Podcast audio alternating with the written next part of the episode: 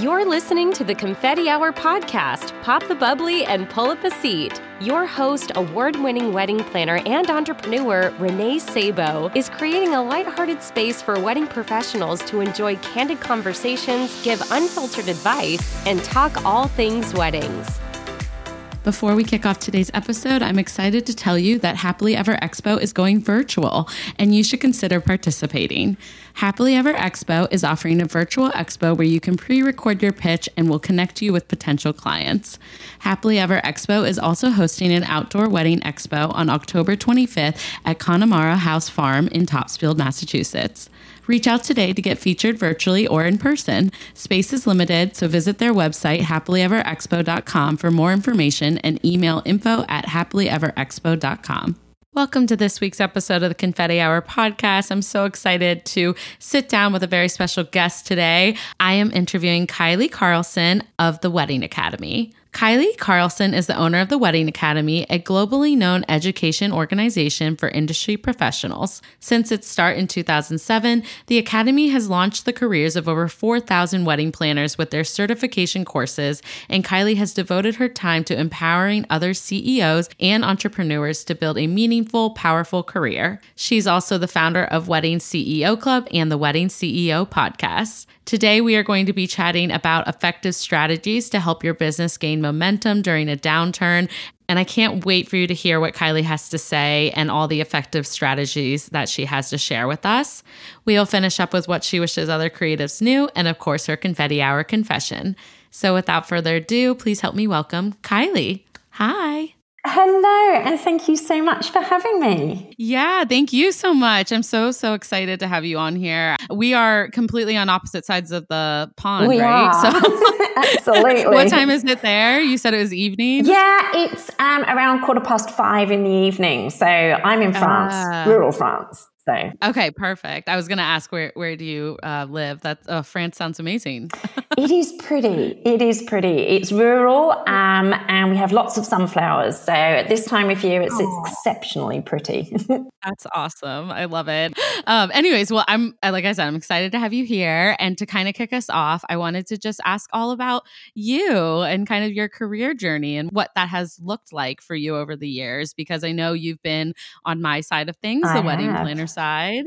Oh, I'm sure that was a fun journey. and then you shifted into also, you know, helping creatives. So yeah, I'll kind of let you take it away. But what got you into this industry? Oh God, it feels like I have been in the wedding industry all my life. Certainly, you know, since I was knee high to a grasshopper, literally. It's yeah. all I've ever done. I actually started life, believe it or not, as a classical musician. So, mm. yeah, that's a fun fact. Really? Yes, I played. Oh, that is fun. violin and piano. And yeah, it was yeah. very different. Yeah, I was going to say I played violin my whole childhood. And so that's why I was like, oh my gosh, that we have so much in common. we definitely do. And I did it. I love that. Oh, God. From, what was I, about six years old, right through till I went to the Royal College of Music. And did my music degree, but uh, I'd always done it. I never did anything else. So right. it kind of got to that point when I finished college and I went, well, I want to have a year out but I wasn't really trained to do anything else. And I kind of fell into hospitality that I'd been doing anyway, mm. you know, to see myself through college and what have you. And so I fell into the industry. It got to a point where I was doing different events and people were asking me various different things. Could I recommend this? Could I recommend that? And I actually started off right at the very beginning with an entertainment agency. And I ended up working for an events company. They went bust. I bought the assets of their company and oh, took over the. I know it was. This is the potted version. Took over the reins and um, ran a company called Organized Chaos, and I absolutely loved it. We did everything. We did corporates, we did military, we did kids parties, we did weddings. You know, wow. We did bar and bat mitzvahs because my business partner was Jewish. So we really did have a massive scale of events that we did, which was fantastic because it gave us a lot of experience in different areas.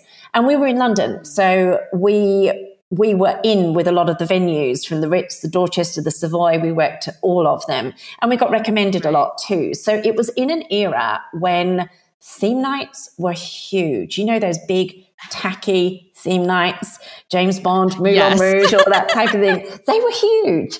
And wow. I kind of earned myself the nickname of the Queen of Theme which is so tacky, but it worked for me at the time because this is what we became known for. Um, yeah. And I had a daughter in between all of that time, and I ended up, short story, getting married to an Australian. And so there I had wow. a dilemma. Do I live in England or do I live in Australia? So we decided to live in Australia. And so I had to sell my business. So after 10 years, yeah. I sold my business and it felt like I cut off my right arm and I moved oh, yeah. lock, stock, and barrel to Australia with my daughter and my new husband. And I was kind of left at a crossroads. I didn't really know what to do. So I went and worked on Hayman Island for a year, which is a five star tropical resort in North Queensland.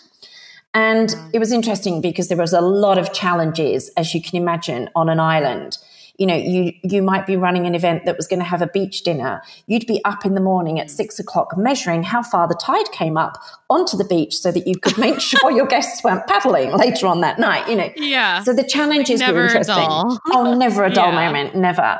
Yeah. But living on an island um, can be quite all consuming. So you live it, you breathe it, you eat it, you sleep it. You, there's no break from it. Um, so mm. after a year, I really needed to get away from the island. So I left. Mm-hmm. Um, I decided to take a break and I decided I was going to take a year out. Well, six weeks into that year, I was so bored. It got to the point where I thought, I can't do this. I can't stand an entire year of this. So yeah. I started thinking around what I could do. And this was 12 years ago, nearly 13 years ago now. And so the internet still wasn't what it is now, but it was starting to pick up. And mm. there was nothing out there to train wedding planners. And so I sat there and I thought, well, I know a ton of stuff. You know, I've made a lot of mistakes. How hard can it be? So yeah. I decided that I was going to launch a course. There was nothing more in it than that. And so, you know, really naively, I decided to start writing this course, but I kind of lost momentum and I found it really hard to sort of push myself.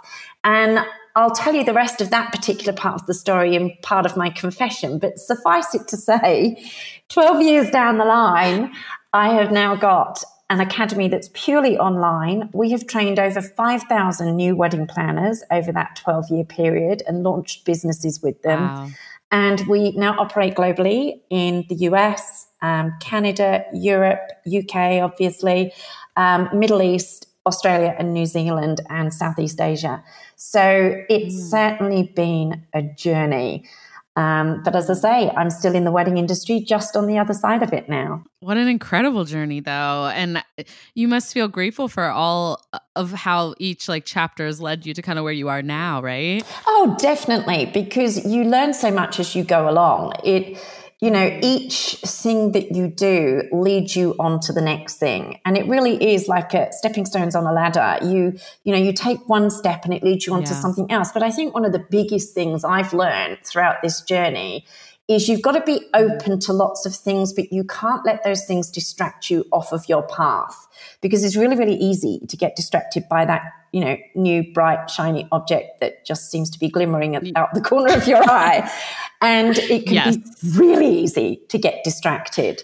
And I think that's probably yes. one of the biggest things I've learned is ideas are great, but don't let them distract you from your bigger path and your bigger plan. Oh yeah, absolutely. I I honestly feel like as entrepreneurs, it's so hard not to have shiny object syndrome. oh god, so. yeah, it's what it, you know, it's what makes us up. It's part of our DNA. Yeah, yeah. And it, it's, I mean, there's pros and cons to that because I think the nice thing is that we never close opportunities sometimes, but sometimes you have to like reel yourself in. There needs to be a strategy in place too, right? so. I actually have a solution to that now. I don't know whether I should really share it, but I will because it's quite funny.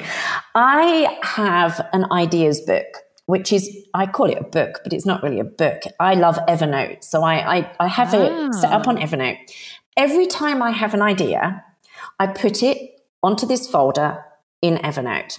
And then once a year, I have what's called my wine and whiteboard day. Now, the whole idea of wine and whiteboard day is that one day a year, I give myself permission to dive into all of those ideas and play with them. and see what happens. That's where the wine comes in. The more wine I drink, Yeah. the more clever the ideas become. But the idea behind it is that by giving yourself permission to actually play with these ideas, it stops you getting distracted throughout the year, but it also still Yeah. allows you to have those ideas in the first place. So in wine and whiteboard day, I have three whiteboards and all the ideas go onto the first whiteboard. And then I kind of look for commonalities that are going to, you know, things that could potentially work together and they get taken across onto the next board. And then the third board is like a filter where you start to really put the whole thing together. And often this is where some of my best ideas come from. Um, I mean, we published the International Wedding Trend Report, which is now, blimey, seventh year, something like that. And we collaborate with oh gosh, about 120 odd professionals worldwide from Colin Cowie, David Tutera, all of them. But that mm-hmm. came from a wine and whiteboard day.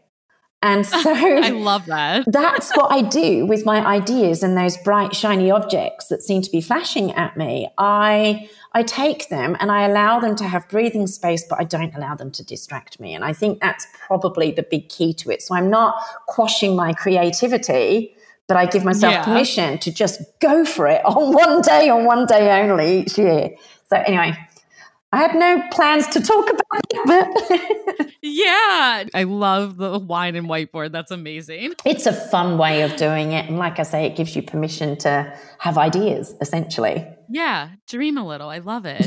well, obviously, I'm I am excited to have us shift into the topic. You know, as a business owner, I think we see downturns. This isn't just related to this year to me. No. I think you see them throughout your career. And so I'm excited because you have had such a robust career and you've experienced, I'm sure, many highs, but also I'm sure some lows. Of so um. I'm I'm sure that these effective strategies that you have are literally you've crafted over all these years. So I'm excited to hear what you have to say about it. Definitely. And you know what? You're so right. Over the course of any career, you know, there's the highs and the lows. And I think without the lows, the highs aren't anything. So you have to have those lows. And really, it's about how you deal with the lows that really makes the difference between those entrepreneurs that are successful and the ones that aren't. And mm-hmm. I've had so many conversations over the last few months with wedding business owners about how they should move forward. Should I be marketing my business? Should I not? And of course, different businesses have different challenges to face. But one of the big things I can categorically say to everyone is that this is not the time to disappear off the face of the earth and stop marketing. It's quite the opposite. So Right. you've got this period of time at the moment where you'd probably normally be doing weddings, but in many cases you're not. So you need to take advantage of it. You need to spend the time doing the things you always see you don't have the time to do normally and actually focus on them. So I've got three things that I really wanted to showcase today during our time. And they may sound obvious, but honestly, these are the things that have helped me to have consistency in my business, to keep it moving forward, and more importantly, to keep me getting clients no matter what is going on in the world. And I think one of the first things here is that you need to be you need to be showing up consistently so people see you and hear you and you need to be doing more of what you know works. So I want you to think of your wedding business like Madonna. Now, hear me out here, because Madonna is like the queen of reinvention.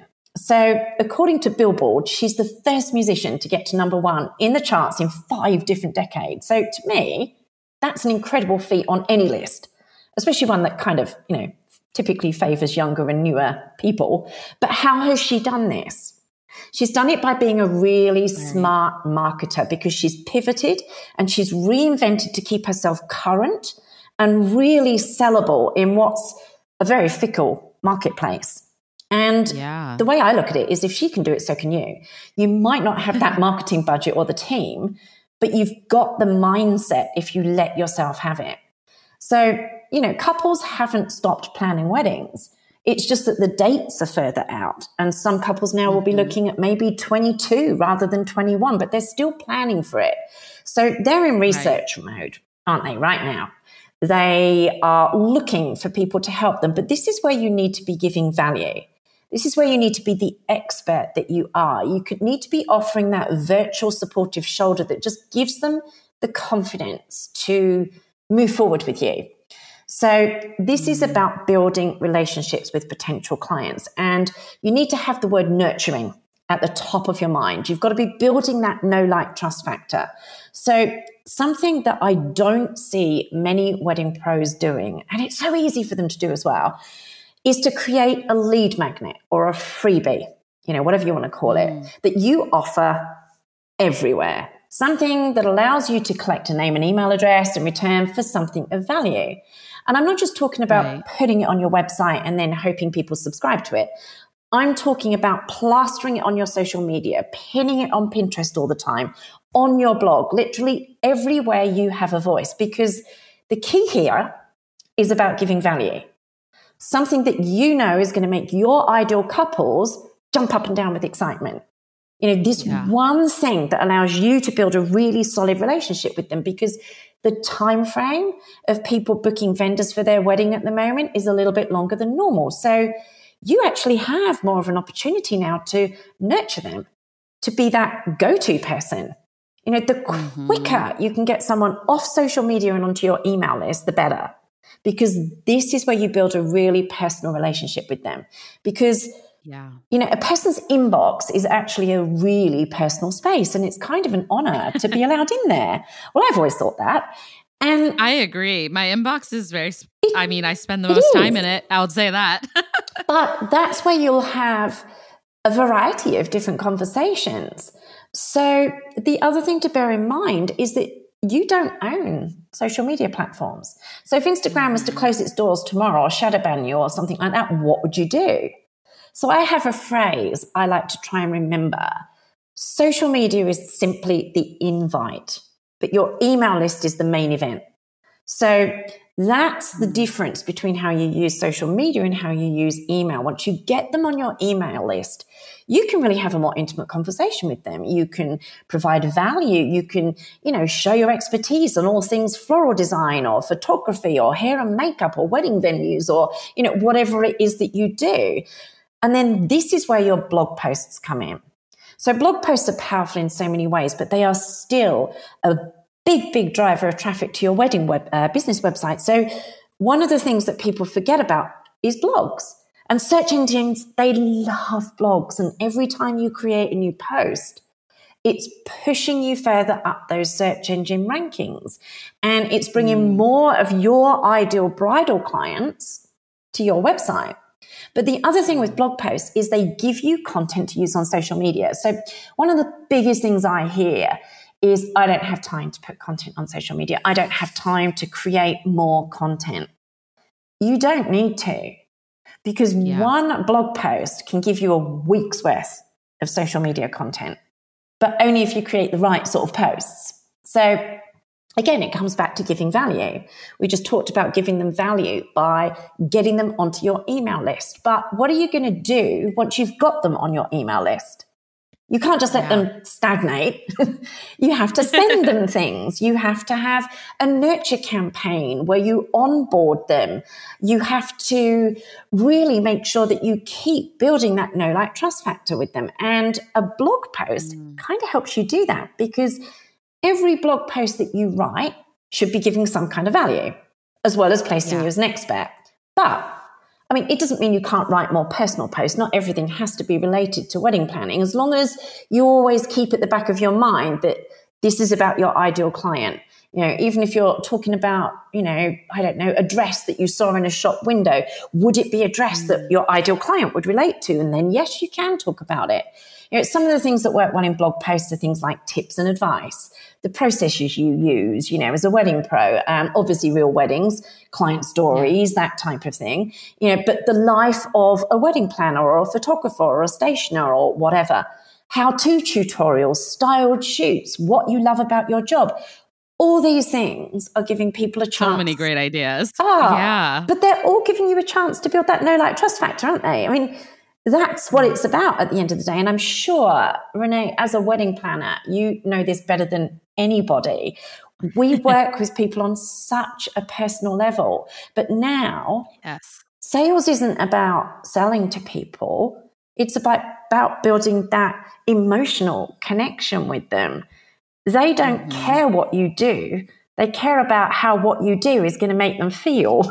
That's what it comes down to.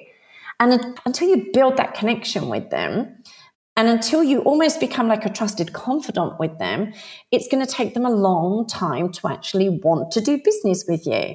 So this is where, you know, what you put on social media, giving them lead magnet of value, something that actually is going to help them, something that's going to spark their interest, something that's going to get them going, ooh, this is really cool. This is really helpful.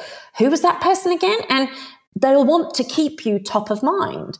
So Mm-hmm. Even down to things when you're writing a blog post, and I know a lot of people struggle with this type of thing, but even down to the title of your post, that's almost as important as the copy you write, because again, you're going to use this on your social media.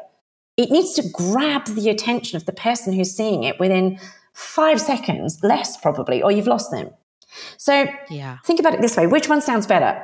Claire and Tom's wedding day, or a magical enchanted forest wedding? Like, yes. You know, there's a big difference, isn't there, at the end of the day? I know which one I want to read. Yeah. I'm like, ooh, a magical forest. I mean, I yeah. don't know. I'm just plucking it out of the air, but you know what I mean. It, it, there's, it's got to resonate. It's got to be clickable. It's got to make mm-hmm. people want to go, ooh, I want to read a bit more. Because otherwise, yeah. you've put all this hard work into writing a blog post and it just goes to waste. So, yeah, that's one of the first things to think about. Um, the next thing to think about is whenever I write a blog post, I split it up. I split up my blog post into subsections or subheadings, whichever, however you want to think about it. Oh, the reason I idea. do this, uh, there's, there's a strategy behind this, Renee. the reason I do it is because I, I'm always thinking about how can I use that blog post on social media? Because it comes back to you have spent a ton of time writing a post. I know for me to write a really good blog post, it can take me about an hour and a half. Well, that's an hour and a half of my day. So I want to make that blog post work really hard for me. I want it to go out yeah. everywhere because you can't just post a publish a post and expect miracles to happen. It doesn't work. Yeah. it really doesn't, right. you know. you got to put it out into the world and let people know it's there, right? So, absolutely. So, what you do is you split up your content. So, if I'm writing a blog post, I try and write it with a minimum of three subsections or five or seven. There's something about odd numbers. I don't know what it is, but odd numbers seem to work really well. so, yeah. One I wrote oh, a little while ago seven things your blog post must have to get noticed. This means I've got seven sections that can all become social media posts in their own right. So I always look for ways to use my blog post to create content for Facebook, for Instagram, for Pinterest. So by breaking my post up as I'm writing it, I'm already thinking about how I can use that post in multiple different ways. Now, the other thing I try and do as well is always make sure that there's a couple, at least two sentences that I turn into quotes on my blog posts because we all know everybody loves a quote on Instagram. And it might be that it's more of a tip than a quote, but you can still use it. And then comes the powerful part that blog post you just carefully crafted gets sent out on email to your email list. You know, the ones that signed up for your freebie that are now on your email list? Well, you send them your blog post because you have to remember not everyone will read your blog. I know it just is heartbreaking that not everyone's going to rush to your blog the minute that you publish it. I'm like, what? Yeah, yeah. No, I, though. I yeah. always think, why isn't everyone hanging on my every word? But they're not, unfortunately. You know, it's kind of the reality of yeah. it. Yeah. So and people are busy, right? Are. And so breaking it down, it makes total sense to kind of capture them and, and they'll remember, oh, if you want more, they can go there, you know, when they have time. Absolutely. And everyone consumes content in different ways, don't they? I mean, the way you consume your content will probably be different to the way I consume mine. Mm. So, yeah. First, I write the post. Once it's published, it goes out on email almost straight away. Then I break that post up into long form blog, uh, Facebook posts because we all know that Facebook allows for you to have more detail. Having said that, Instagram now is also quite liking copy. So we can always duplicate that as well. And that leads me on to something else. So many people I talk to say, oh, well, I already posted my style shoot on social media two months ago. And I live. Right, you're like, that was two months ago. right? Exactly. so I kind of have this recycle thing that I do over a three month period because shock horror, nobody remembers what I posted on Facebook last week, let alone what I posted on Facebook two months ago or Instagram or whatever platform it is. Yeah. So once you get into that mind frame of realizing that actually that amazing styled shoot that I did last year has only ever seen the light of day once do it again. Put it out on social media again. Tag in the people yeah. that you worked with because they're constantly getting new viewers and new subscribers and new likes and new followers, which is ultimately going to allow you to get exposure to new audiences as well. You don't have to work that hard. Mm-hmm. I have I think it's 10 core blog posts that we use at the Academy. And we call, they're called pillar posts. And a pillar post is basically a post that's quite long. It goes into a lot of detail, but it ultimately will have about 20 to 25 links to other mm. smaller blog posts that you've written on your blog. So it becomes one of those things that Google can crawl really easily. And you're never going to have more than 10. 10 is your total number that you would ever have of a pillar of pillar posts. Mm. But you can actually instruct Google that these are pillar posts and they're important posts and they've got lots of detail on them. And these become your core pieces of content that you use over and over and over again. So, for example, as part of the Wedding plan, uh, Planning Academy, we have a blog post that's called How to Become a Wedding Planner. We've got another one, How to Start Your Wedding Business. We've got another one, um, What is it really like to be a wedding stylist? Another one about how to become a floral designer. So we know our core topics. So we've written pillar blog posts on these core topics. So when we've got nothing to say, which as you probably know by now isn't very often for me, I've never really stuck for words.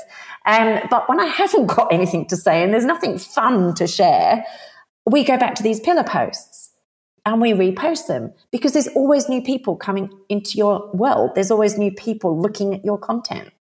So it's about being really, really smart. And in a time like this, when all you've got is time and it's calmed down a little bit now. You're not spending as much time on all of the postponements and the cancellations, etc., etc. This is the time to spend. It's almost like you've been given time that you wouldn't normally have. So right. use it to put these things together. And, you know, there's so many other things you can do with your blog post. You can jump on Facebook and you can do a live and you can talk about that blog post because if you've written it, you must be able to talk about it. You're going to be, you know, you're the expert on it. You can go into more detail. You can do right. a short, under 60 second video for your Instagram feed on that blog post topic. Whet people's appetites. We all know video does far better than anything else on social media. So use yeah. it. and then there's video, you know, Instagram stories, videos. If you check out any of my daily stories, like the one I did today, I did one today saying, Hey, I've got a really fun, busy day going on today. I've got cocktails with Kylie in my Facebook group. And then I'm doing an interview on Renee's podcast on Confetti Hour.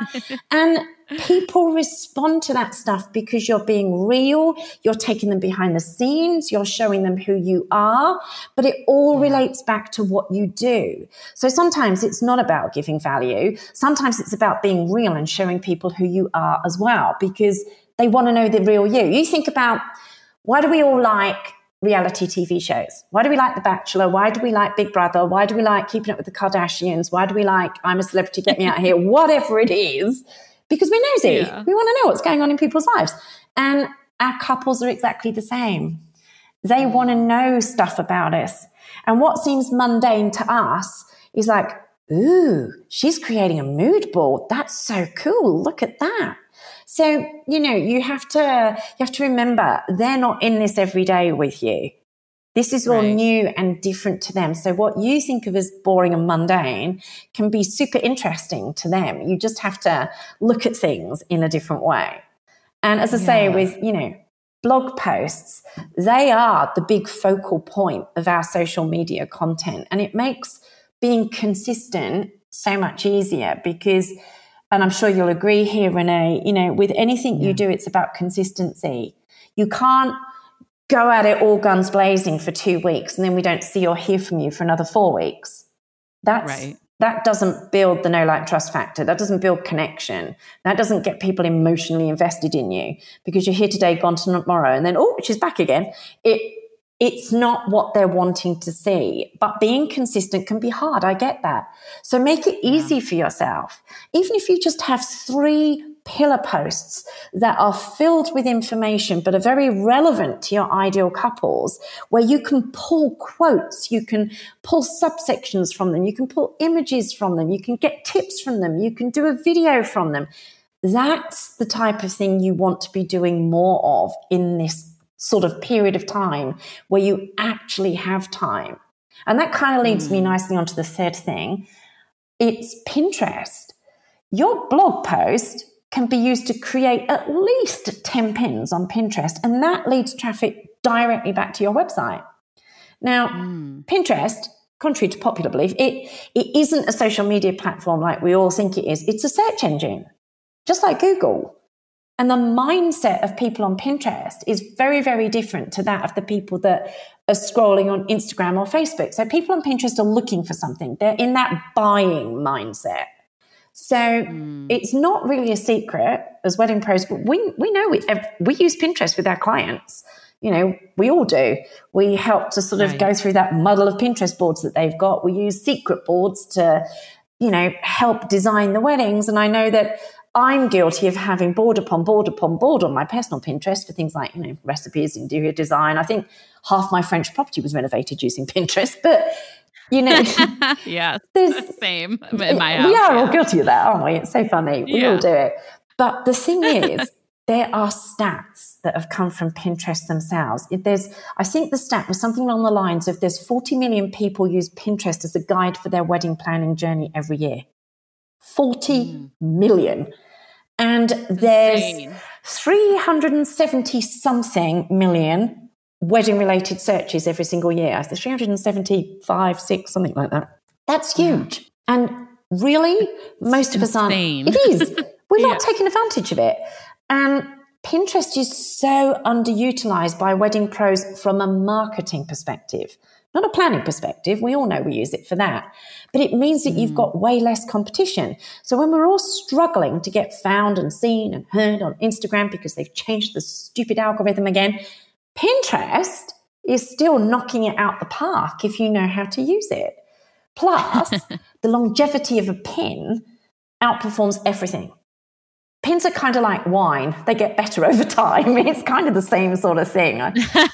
If you, I, I, don't know if you noticed oh it's so true. I mean they live on. They, yeah. they really they, do. they get stronger and stronger as they cir- circuit right? It's amazing. They really and you're do. right such a powerful tool that people don't utilize. I personally don't utilize it enough so i'm writing all this down. Well like I renee. kind of got on the pinterest bandwagon at the beginning of the year. It was one of those goals we had because we we were crap on Pinterest to be honest with you, and we knew yeah it would be good for it us. can feel like one more thing, right? It can just feel like one more thing. But you're right. I've I've heard so many pros tell me how beneficial it has been, and it's such an untapped. Uh, market for certain people so it is but it, like i said none of this has to be hard because what i'm telling you not to do is create mm. content for creating content's sake.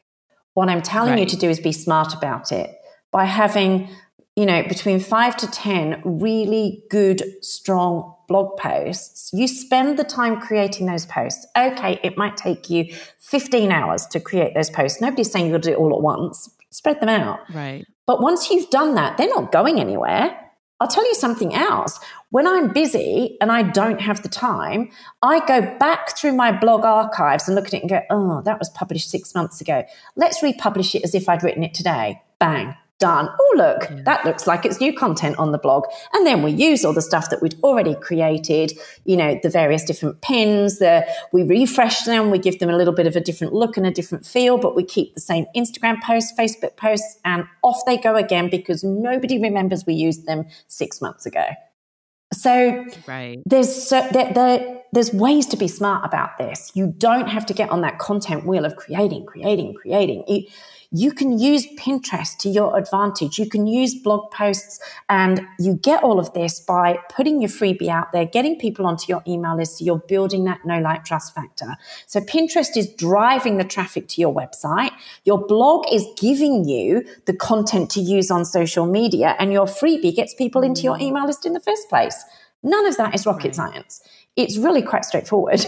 it's just people don't think of it in that way. They think they need to be creating and creating and creating. And that is very hard. That's really difficult. It's a lot. It is. Yeah. But it doesn't have to be like that. So I guess right. that's really what I wanted to get across to your listeners today is use this time we've all had time to sit there and feel sorry for ourselves and cry into our Ben and Jerry's because we haven't got any weddings to do and life sucks at the moment. And it does. I agree.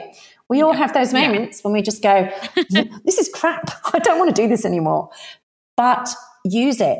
You know, it's like anything. Whenever you fail at anything or whenever anything goes wrong or you make a mistake, you pick yourself up, you learn from it you take the time to figure out what can I do next? How can I make this work to my advantage?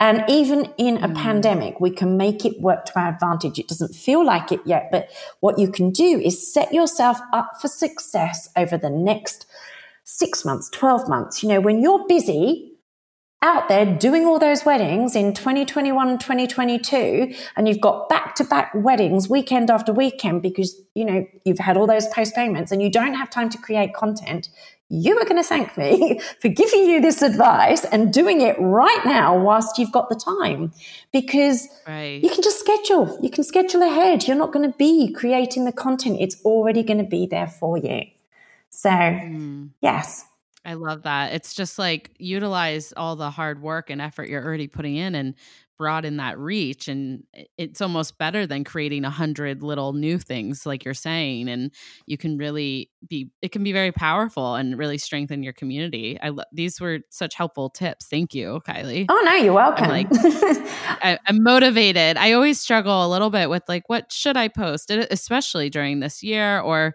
during times where there's anything going on that maybe just there feels like there could be a disconnect uh, with wedding planning and you know like maybe there's greater things going on in the world uh, it's just it, it, it can be hard to navigate but i love that you can kind of strategize and kind of stay true to how you serve your community. And if you do that, it sounds like you can really make that go far for yourself. And yeah, I'm going to take all your tips myself and I look forward to, to strategizing. And, and I'll get on Pinterest. I think you need to. I really do. Yeah. I think I'm kind of on there. I just feel like I'm kind of like one of those lukewarm Pinterest yeah, people. It's easy and I really think you're right. Yeah, we could really be utilizing it. So yeah, I just love loved all all of your expertise. Thank you again. Oh, you're welcome. I um, think well, we have to remember as well, we might be in a pandemic, but I mm-hmm. think now, I mean, we are in September.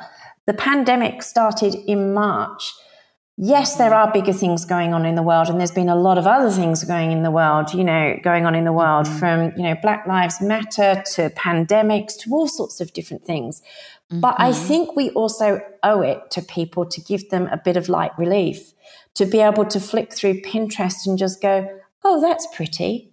I know for me, mm-hmm. sometimes I want to read a book because I want some downtime. I don't actually want to read something that's intellectual, where I'm going to learn something, where it's a deeper meaningful. I just want a bit of rubbish so I can tune out.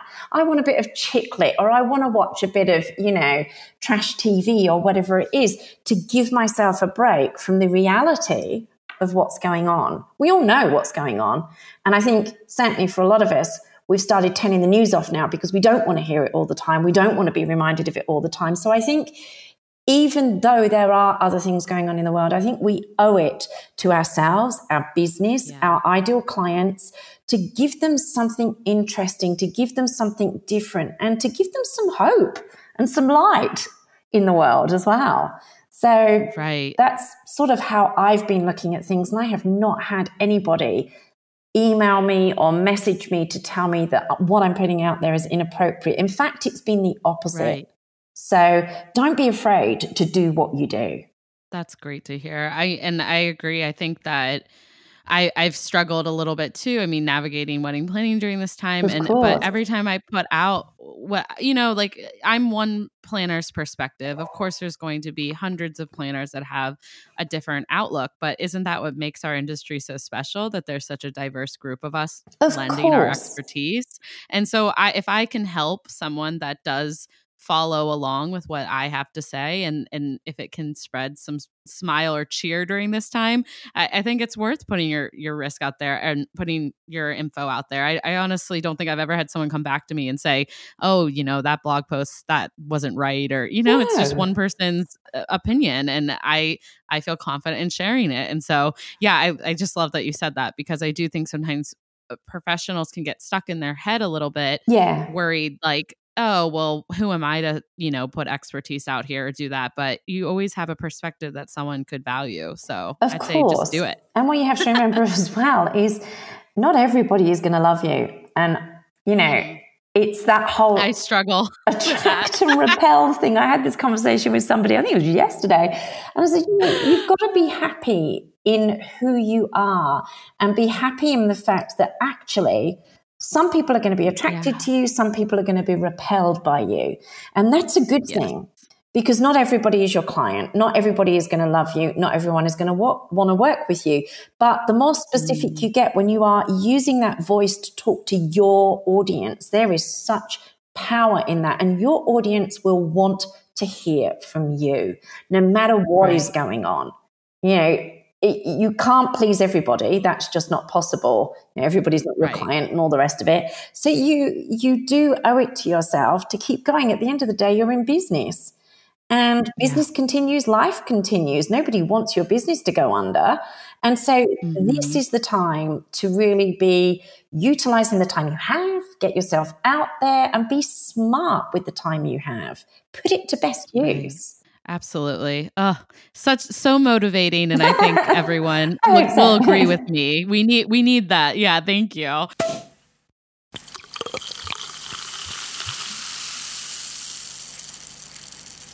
The Wedding Client Experience Academy is the newest educational offering for wedding creatives designed by Lynne of Lynne Reznick Photography. As a former high school teacher, Lynne has put her educational background to work in creating the academy, ensuring that each lesson uses various learning styles. Inside the Academy, Lynne will break down the four pillars of an exceptional client experience so that you can elevate your business by transforming how you attract, serve, and delight your ideal couples. Each lesson also includes brainstorming and implementation guides so that you can apply what you learn and make tangible changes to elevate your business. As wedding vendors, we work really hard to please our couples and we care deeply about the businesses we're building. But often, as business owners, we hold ourselves back from serving our clients in deeper ways because we fear the investment of time or money that we simply don't have. The truth is, creating an exceptional client experience doesn't have to be costly or time consuming, but it does require intention and action. No matter where you are in your career, by learning and implementing the four pillars, you can elevate the ways you serve your couples. And that impeccable client experience will in turn elevate your business. The Wedding Client Experience Academy doors open on October 6th. To learn more about the four pillars, find out your learning style, and sign up to save 30%, visit lynnresnickphotography.com and click Academy. Well, I definitely want to move us into the next part because I'm really excited to hear what you have to say for this. But what do you wish other creatives knew? Okay, so having been in business for a fair number of years now, I have had a ton of failures. And I really want creatives to embrace the whole don't be afraid to fail and fail often. Make as many hmm. mistakes as you can. Don't hold yourself back because you think things might go wrong or because you think you're going to fail. You know, I hear from so many people who say to me, especially at the beginning of their journey, you know, at the Wedding Academy, a lot of the people I train there are newbies. So there, it's about changing career. And I get it, it's scary. But at the end of the day, what is the worst that can happen? The thing I've always asked myself whenever I have a big decision to make, and I'm sitting there thinking, oh my God, what happens if it goes wrong? What happens if I fail? I ask myself a couple of questions. Is this decision going to send me bankrupt? Am I going to hurt somebody with this decision? And Right. really, if I can answer both of those with a no, I'm not going to go bankrupt, no, I'm not going to hurt anybody, no, I'm not going to lose, you know, a load of money, then really, what do you have to lose other than your time? You know, I think mistakes are the backbone of success in your business as long as you learn from them, because without mistakes, you can't grow and you mm-hmm. can't make mistakes without putting yourself out there in the first place. So I want creatives to own their mistakes and not be afraid of them. They're there to help you succeed. And nothing, and I mean nothing, is ever perfect out of the gate. And whatever you think of as a mistake is simply a way to improve. So own your failures. Without mistakes that I've made in business, trust me, I would not be where I am today. So Right. Don't be afraid to fail or put something out there that isn't perfect because perfection, it's overrated. And it's know, boring. It yeah. is. And even the biggest names in the business haven't got it right first time out the gate. In fact, mm-hmm. there's a really good quote from um, the founder of LinkedIn, Reid Hoffman. And he said, if you are not embarrassed by the first version of your product, you've launched too late. So that to me says it all. I love that. Yeah. No, I do. I love that. And sometimes, so I struggle with that. I was saying earlier, you know, I struggle with not being perfect. I like appearances. And, and a part of that has been helpful with my career because I've focused so much on my branding and kind of the experience for my clients because I care, care yeah. about what they think. Um, but at the end of the day, I, I just had to kind of throw the that out of the window a little bit too because it was holding me back from just putting things out into the world. And so I really love that you said that because there's several mistakes that I will continue to make, I've made and uh, but if I hadn't gone through all of that, I don't think that it would have led me to where I am now. So it's like just be a human and, you know, do your best. That's all we can do, right? Absolutely. So. And you know what? The things that we stress over are usually the things that nobody else would even notice. It's you know, exactly. silly things like, oh, the color of that button isn't quite the right shade of blue, or, you know, whatever right. it might be. Oh my God, the wrong font is on that heading. Do you really think anybody else notices that stuff? They don't. So you can't hold yourself mm-hmm. back on the little things. At some point, you just have to press the publish button or the play button and go, all right, let it happen. Let's just do it. Bring it on. Yeah. Exactly. And I feel like for most things, there's nothing you can't go back and make not. simple tweaks, you know? So, yeah, I mean, if I had just sat on this podcast and, and, never just put myself out there, we would never be here right now, Kylie. So, same exactly. for you with your podcast. Yeah. yeah. Exactly right. You just got to go. And yeah. there's never a, a, good time to launch something, is there? There's always going to be a reason yes. why you hold something back. You don't publish that blog post or, you know, you don't do that Facebook Live or, you know, upgrade your website or whatever it might be, there's always going mm. to be a reason not to do it. So flip it on its head and say, well, what's the reason for me not doing it? Why shouldn't I do it? you know, what's the worst that can happen?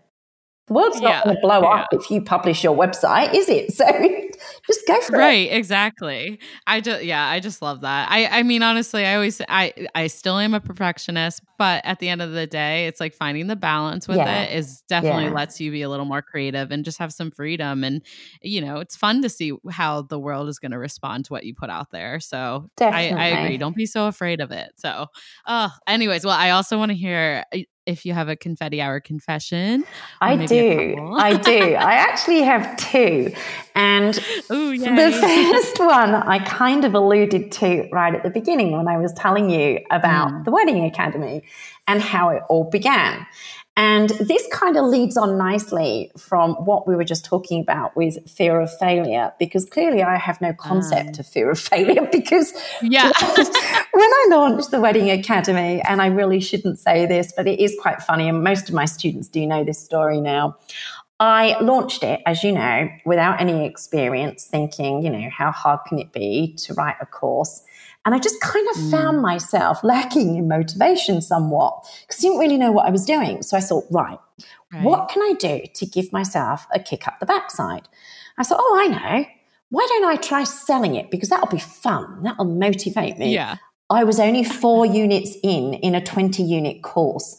So my confession is, is that I not only was I not afraid of failure, but I launched my product before I'd finished it, I ended up getting 10 clients or students Oh. on the course. And as they were finishing one unit, I was finishing the next one. And it went on like that. And I literally, I was glued to my screen thinking, oh my God, XYZ's catching me up.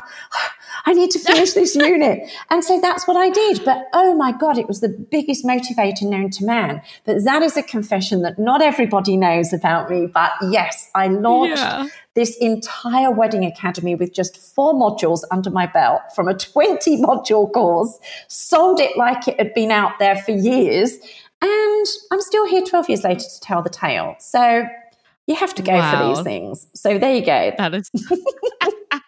I love that. That's so funny. I, I bet you were like scurrying to finish, and you know, I, oh. you're right though. What good motivation. It was pressure, I'll tell you that. I'll never do that again. Although, to be fair, there have been other times that I've done that where I've put something out and go, oh, nobody will buy it. So I won't, I won't do it until they've bought it and then they buy it and you think, oh crap, here we go again.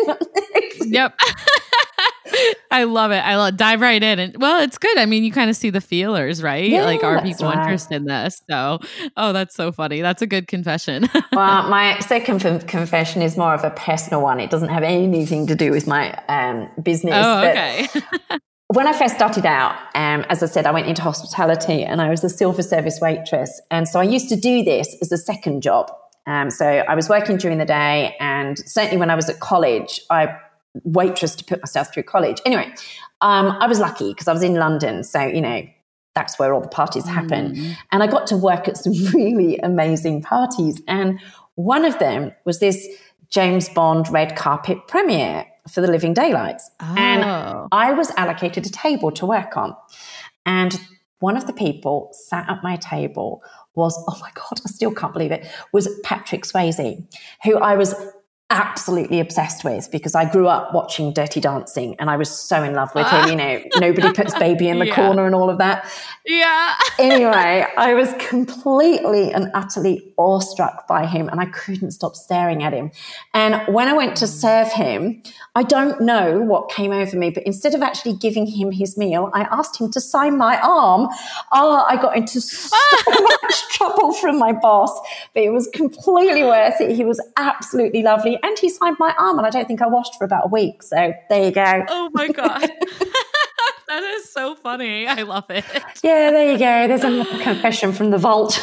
There's several. yeah yeah that was a great one i love it uh too funny well as we kind of start to bring the episode to the end i definitely want to hear about you know what's the future have in store for you guys and and what do you have going on anything fun that you want to share with everyone Yes, definitely. Thank you. Um, I yeah. launched a, or I did a pre-launch of a membership group um, during lockdown in May. I decided it was time to focus more on the pros because as much as I love working with newbies, we kind of have the Wedding Academy set up like a well-oiled machine now. And, you know, we know what we're doing. I've got an amazing team around me, fabulous mentors. The course material is now, thankfully, all written. I'm not chasing my tail anymore. And so I have launched something called Wedding CEO Club, which is a membership, a monthly membership where I bring in experts every month to do a masterclass. And we have a monthly live coaching session with me where we go through all of our goals. We talk about challenges and we have a great time. And essentially, it's all about marketing. So anything and everything to do with marketing. And I will be opening for enrollment again at the end of October. So, but there is a wait list. So people can get on the wait list right now to find out about the club and how they can work with me um, if that's something they think would be of interest to them. oh amazing i'll link all that down below for people so they can easily Thank click so through much. and yeah, of course. That's so exciting. well, I can't thank you enough. Where can everyone find you, though, on social media before I actually let you go? uh, on social media, it is literally on Instagram at kyliecarlson.co. And that is where you will find me personally. Um, but the other thing I have is Wedding CEO Club, which is on Facebook. That is the Facebook group where we do a fun Wednesday hour. So we had it today. Uh, we do cocktails with Kylie. I told you I'm, a, I'm obsessed with, you know, wine and whiteboards and cocktails and what have you. Yeah. So we. I think you should trademark that. I know it's really good, isn't it? Cocktails with Kylie, and we have. It's about an hour. We go onto Facebook Live and we talk about a particular topic on marketing, and we all brainstorm and we all have, you know, we all weigh in, and it's great fun. We, you know, we have quite a few people on there, so you can definitely join in that group if you want to have a cocktail and talk about marketing on a Wednesday afternoon. It's great fun. oh, that sounds like so much fun. So, oh, amazing. Okay, well, I'll also link all that down below and people can find you. no worries. Thank you so much for being here. This was so educational, so helpful, and Thanks. I just loved hearing all about your story. I hope we'll be able to stay in touch. oh, we definitely can. I would like that. Yeah, me too. And that concludes this week's episode of the Confetti Hour podcast. Isn't Kylie just so wonderful? And I am so grateful that she came on to share her strategies. I think that all of us could benefit from this during this season of life, but also beyond. And so I'm very grateful for her coming on the podcast to share her insight with us. Please subscribe so you can stay tuned for future episodes. And if you're tuning in on Apple Podcasts, I ask you to just take a few moments to leave a review for our show. Do you know a fellow wedding pro who might love our podcast? Screenshot this episode, tag a friend, and tag us at the Confetti Hour on Instagram or the Confetti Hour podcast on Facebook. That's it for this week, and I look forward to chatting with you next Thursday. Bye, everyone.